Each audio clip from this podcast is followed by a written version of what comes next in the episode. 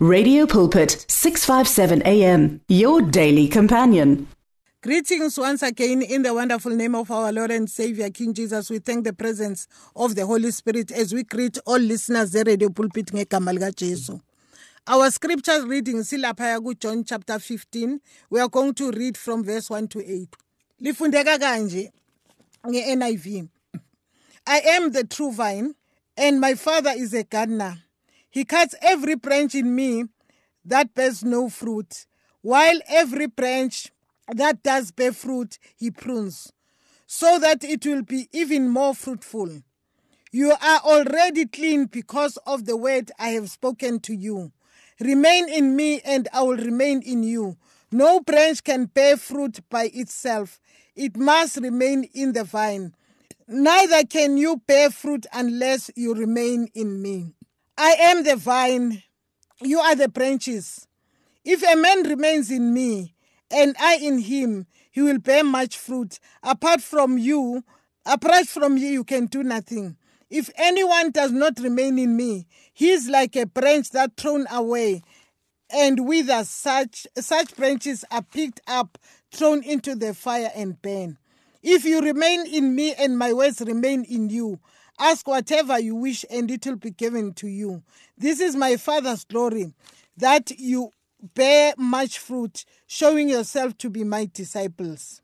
Now, looking at the book of John, lana sibona uJesu Kristu athi he's a true vine. But in previous chapters like chapter 6 sithola uJesu Kristo lapho ethi I'm the bread of life. Ku chapter 7 athi uJesu Kristo I'm the water of life. And ku chapter 8 athi the bible says he is the light of the world. Then ku chapter 10 he is a good shepherd. In chapter 11 he is the resurrection and life. And in chapter 14 he is the true a, truth and the way and the life. Now in this chapter we read Uguti he is the true vine. Then today I would like us to say if there's a true vine it means there was a false vine and in fact there was a vine by the way. Manje to the disciples since they were Jews by origin. To them lento uJesu Kristo ayikhuluma. They knew exactly what he meant. And even gain an understanding sizogaina an understanding even nathi namhlanje. Ngani? Ngoba uma sifunda incwadi kaHosea chapter 9 ku verse 10 wakhona siyezwa ukuthi eh uNkulunkulu uthi when i found israel it was like finding a grape in the desert. When i saw your fathers it was like seeing an early fruit of the fig tree. Manje reading also uPsalm 8 uverse uh, 10 wakhona what the sons of asapha spoke to god bathi bona you brought a vine out of Egypt. You drove out the nation and planted it. You cleared the ground for it, and it took root and filled the land. The mountains were covered with its shade, the mighty cedars with its branches. Manje kulama chapter we then learn ukuthi Israel was a vine. And Israel is a vine. And the branches of its vine was covered uh, uh, uh, the mighty cedars. Mighty cedars, it's a typology of the powerful countries. So uIsrael siyazi ukuthi uma ephuma eGibhitha eh kwenzakala ukuthi emake hambe ebuye eGibhitha uNkulunkulu wabapha amandla ukuthi banqobe other countries like uOg inkosi yaseBasham no noSiyon inkosi yama-Amorite manje siyathola ukuthi ke manje uma uJesu Kristu furthermore uma sifunda futhi at the book of Judges ku chapter 9 siyathola ukuthi uJotham made an allegory after uAbimeleki ebulele abafowabo abaningi. Lapha kuJudges chapter 9 kuverse 9 to 15 izwi likaNkuluNkulu lifundeka kanje ukuze sibone ukuthi uJesu Kristo why he said I am a true vine. Angasho kuphela ukuthi i am a vine ngoba manje sibonile kunamavesi esiwafundile ukuthi the vine uIsrael was a vine uIsrael is a vine. Manje that is a typology yokuthi uJesu Kristo make fika athi i am a true vine. Manje lapha kuverse eh, kuJudges chapter 9 eh, sizofunda from 9 to 15 then we'll explain and see ukuthi what Jesus Christ meant. Ngoba sometimes ngempela siyalikhuluma leli lizwi ukuthi uJesu athi ngumdile wenyaniso nenani ngamasebe but we don't understand ukuthi why uJesu Kristo ekushilo kubafundi bakhe. Ngani? Ngoba bekwama amafundi bakhe were the origins uh, Jews by origins and they were the vines. And manje uma ekhuluma le lento ayikhulumayo bam understandile ukuthi uthini. Manje makathi mina i am a true vine. I'm not just a vine but i am a true vine. Manje uma lapha sifunda ku chapter 9 eh ku verse 9 to eh 15 wakhona leli lizwi lithi but the olive tree answered should i give up my oil by which both both gods and men are honored to hold sway over the trees. Verse 10 Next, the tree said to the fig tree, Come and be our, our king. But the fig tree replied, Should I give up my fruit, so good and sweet, to hold sway on the trees? Then the tree said to the vine, Come and be our king. But the vine answered, Should I give up my wine, which shares both gods and men, to hold a sway over uh, the trees. Then finally, all the trees said to the thorn bush, Come and be our king. The thorn bush said to the trees, If you really want to anoint anoint me king over you, come and take refuge in my shade. But if not, then let fire come out of the thorn bush and consume the cedars of Lebanon. Manje lana, this is a, a typology esifundayo lana ukuthi manje kuverse 9 uma ekhuluma ngeolive tree siyabona ukuthi uze wakhuluma ngeoil and siyathola ukuthi i-oil it's a spiritual heritage sakwa-Israyeli i-olive tree. It's a spiritual heritage. Ngani? Ngoba noma ubheka uNkulunkulu kwincwadi yama-Exodus eyalela ukuthi mabenza i-oil yabapriste beyithatha from the olive kudingeka ukuthi bayenze kanjani. Manje these are things abazaziyo kwa-israyeli ukuthi makuthiwa le term what do they mean about this term? Manje lana makhulunywa nge-olive tree it's a spiritual a, a, a heritage kwa-israyeli manje uma kukhulunywa nge-fig tree that's a national heritage. And uma kukhulunywa futhi ngevine it is israel himself. Manje manje uma kukhulunywa lapha sikhulume kuverse 15 wayo lo chapter Judges chapter 9 sikhulume ngothorn bush this is a type eh, typology ka-antichrist. Manje ekuseni kwanamhlanje ke ngithanda ukusho ukuthi uma ujesu kristu ethi i am the true vine ubeyazi abafundi bakhe ukuthi what he meant and nathi kufanele kusidingeke ukuthi sazi ujesu kristu makathi i am the true vine and you are the branches ukuthi singene kanjani ukuthi sibe ngama-branches are this true vine meaning that we are attached to israel ngoba uJesu Kristo washo lapha kuJohane chapter 4 ekhuluma nomfazi womSamaria wathi insindiso iqale kithi insindiso yeyethu. And nathi siyazi ukuthi uJesu Kristo lo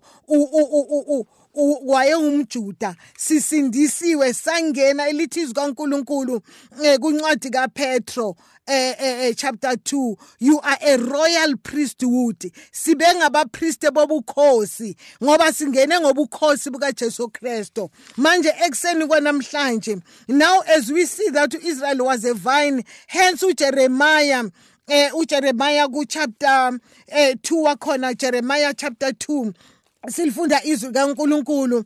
Eh kuverse 21 wakhona. Lifundeka kanje bangcwene. Here i'm trying to explain ukuthi whenever we read this chapter we need to understand ukuthi uJesu Kristo what he meant ngoba it's a typology. uJesu Kristo wayeyisho. Esifaka nathi kulento ukuthi manje niyangena nani eh kule ndaba yakwa Israyeli manje lana kuJeremiah chapter 2 siyabona lapha kuverse 21 wakhona. Lithi leli lizwi kuverse 21 kaJeremiah chapter 2 wakhona eh lithi I have I had planted you like a choice vine of sound and reliable stock. How then did you turn against me into a corrupt wild vine? Although you wash yourself with soda and use an abundance of soap, the stain of your guilt is still before me. Manje ukhuluma no-Israel ukuthi I have planted you like a choice vine of sound and reliable stock. Ati, how then did you turn against me into a corrupt wild vine? Manje lana bengizama ukuthi sizazi ukuthi si uJesu Kristo make sifaka athi you are the branches thina singena kanjani singena kuphi? Ngani ngoba uJesu Kristo ebe emphasize ukuthi i'm a true vine ngoba bowukhona umdileya ngaphambili uIsrayeli but manje ngenxa yokuthi bangalaleli kwabakhona izinto ezenzakalayo again uma sifunda futhi ukuthi manje kuverse 49 wakhona uGenesis 49 ngithanda ukuthi simfunde Genesis 49 ukuthi sifunde ukuthi izwi likaNkuluNkulu lona lithini lapha kuverse eh 49 verse 10 and 12 silizwe izwi kaNkuluNkulu verse 10 and 12 uverse 10 and 12 wakhona lithi leli lizwi The scepter will not depart from Judah, nor the ruler's stock from between his feet, until he comes to him it belongs. And the obedience of the nation is his. The obedience of the nation he is. Bheka verse 11 lithi he will fetch his donkey to a vine. He is called to the choicest branch. He will wash his garments in wine, his robe in blood of grapes. That was Jesus Christ. Uma uJakobe ebabusisa amadodana akhe nezizwe lezi kodwa uthe makafika kwisizwe sakaJuda esinguJesu Kristo wathi the scepter will not depart from Judah no the ruler staff from between his feet ngoba wayibona ubukhosi ebubona besesegibhitha ebubona before 400 years 430 years bephuma ebubona after many many years behamba edesert ebubona after many many years bezama ukungena bathole indawo yokuhlala. But already sebethwesiwe abakajuda ukuthi bayoba amakhosi. Manje uthi lana ubaba wabo makezoshona esegibhitha uJacob uthi he will uh, such his donkey to a vine. He's called to the chosen branch. Siyakhumbula nangalesa sikhathi uJesu Kristu beyokhulula idonki. Bakhulula idonki beliboshiwe. And manje lezi scripture zifulfilla izinto ezifana nalezi. Njengoba uJesu Kristu esho ukuthi I am the true vine siyathola ukuthi even na ku John chapter 2 la uJesu Kristu uma eshintsha eh lento amanzi ewenza iwine. Siyazi ukuthi iwine lenziwa ngani? Lenziwa ngevine. And at the same time azange asebenzise ivine uJesu. Wakhuluma nje futhi azange akhulume nokukhuluma into ayenza. Wathi kubafundi yenzani kwafanele ukuthi benze njengoba umama ethi yenzani lokwanishoyo bakhamanzi azange kupresswe anything but why? Because jesus christ himself was a true vine. So the vine was not needed. Ngani? Ngoba he himself was a vine. Manje uma sibheka eh nezwi likaNkuluNkulu lapha ku chapter eh, eh uverse 1 of chapter 15 sithola ukuthi uJesu Kristo ukhuluma ngokuthi ubaba is a gardener. We know that the work of a gardener is to toil the soil. We know that the work of the gardener is to water the garden. We know that the work of the gardener is to fertilize the soil. We know that the work of the gardener is to know the right season of uh, sowing and harvesting uh, the produce. Moreover, to trim the trees and to prune them. Manje uma uNkulunkulu kuyigardener yena wazi isikhathi sokuthi when to water us.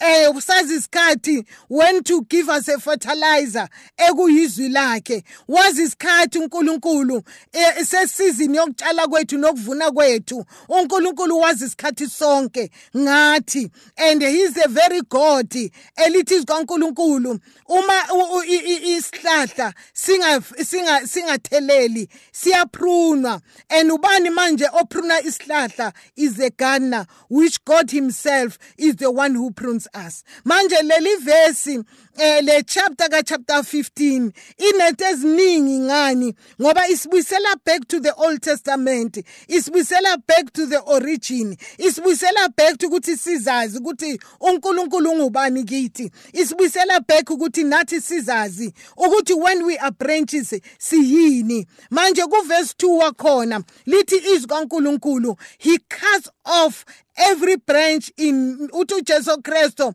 he cuts off every branch in me that bears no fruit. Manje sikuJesu Kristo kodwa uma singanikeza izithelo is the one uNkulunkulu owenzani oprunayo.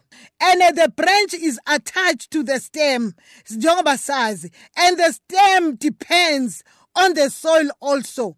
And ubani manje onikeza umhlabathi ukuthi lezi zinto zikwazi uNkulunkulu ngokwakhe. And we cannot do it on our own. We need to depend on him. We are the branches. And our duty as a branch ukuthi thina sikhiphe iy'thelo. Manje uma sibheka again izwi kaNkulunkulu lapha ku verse 12 wakhona sithola ukuthi masifunda ku Psalm 80 lapha eh, eh, bekhuluma eh, amadodana kaAsaphu ebhale uSam 80 ithi why have you broken down its walls so that all those who pick up who pass by pick up its grapes? Manje the answer to this question is that they were not bearing fruits as they were expected. Hence uNkulunkulu allowed the enemies to break their walls and take them to captivity. Manje yiko lokho esikubonayo ukuthi manje le Psalm 80 bayakhala ukuthi why inkosi yami? Uvumela ukuthi those vine branches zithathwe noma ubani. But manje njengoba sihlanganisa noJohane 15 ukuthi uma ungatheleli uNkulunkulu cuts you off manje abantwana bakaIsrayeli bebengalaleli njalo uNkulunkulu ebebakhuza. And uNkulunkulu manje allowed the enemies to break their walls and take them into captivity. Manje sifunda kuIsaiah chapter eh, 7 ku verse 23 wakhona. Siyathola ukuthi uIsaiah prophesies about uAsyria uma eatheka uIsrael manje ithi le verse in that day in every place where there, were a thousand vines worth of thousand silver shekels, there will be only a prayer thorns. So this was how God uh, uh, uh, in the past would cut down the vine eyayingatheleli. uNkulunkulu wayebayekelela ezizweni. Ngisanda ukuyiphinda le verse ukuthi uIsaiah 7 kuverse 23 uthi in that day in every place where there were a thousand vines worth of thousand silver shekels there will be only a briar of thorns. Manje siyabona ukuthi manje noma ngabe beyinkulu kangakanani ivine iworth how many thousand? But uma ingalaleli lithi izwi kaNkuluNkulu ibifana nje namahlabihlabi ahlabayo. Manje ekseni kwanamhlanje this is how God a, a treater the vine a cutter off